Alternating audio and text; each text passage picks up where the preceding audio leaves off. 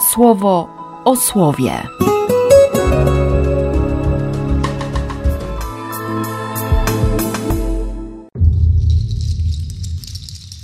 Dwudziesty pierwszy listopada, poniedziałek.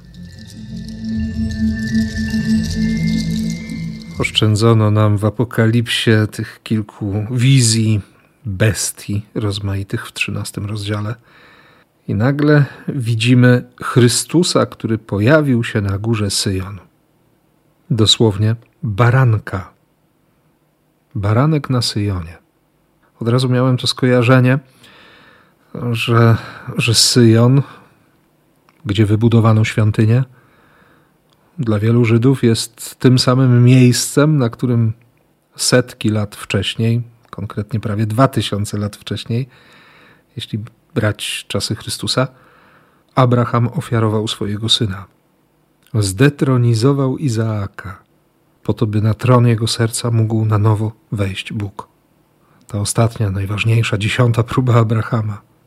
Wiedzieć, że, że Bóg i tylko On, że to Bóg jest Bogiem, nie Izaak.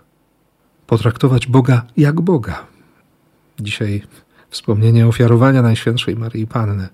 Ta, która Boga traktowała jak Boga, nauczyła się tego i nieustannie uczyła się słuchać, mieć wrażliwe serce. Bardzo pięknie święty Augustyn powiedział o Maryi i to właśnie dziś dociera do naszych uszu w godzinie czytań. Tym tekstem modlimy się. Słysząc, że ważniejszą sprawą było dla Maryi, że się stała uczennicą Chrystusa, niż to, że była matką Chrystusa. Szczęśliwszym było to, że stała się uczennicą, niż to, że była matką. O wiele ważniejsze i o wiele większe szczęście. A przecież na początku nikt o niej nie słyszał. W tamtym miejscu, w Nazarecie, zatrzymały się na niej oczy Boga. Tak jak dzisiaj w Ewangelii.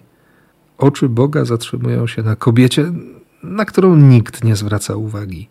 Ona stoi przy tej jednej z trzynastu skarbonów na terenie świątyni i, i wrzuca dwa pieniążki, dwa miedziaki, jeden grosz.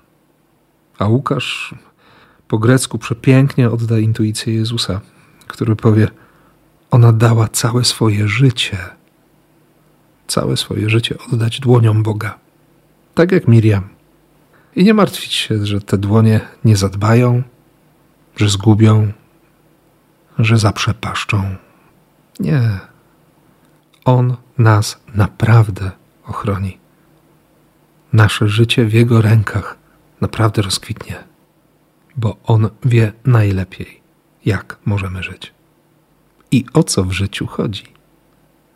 Dlatego zaufania, wiary i odwagi podjęcia tego ryzyka życzę Ci i błogosławię w imię Ojca i Syna i Ducha Świętego. Amen. Słowo o słowie.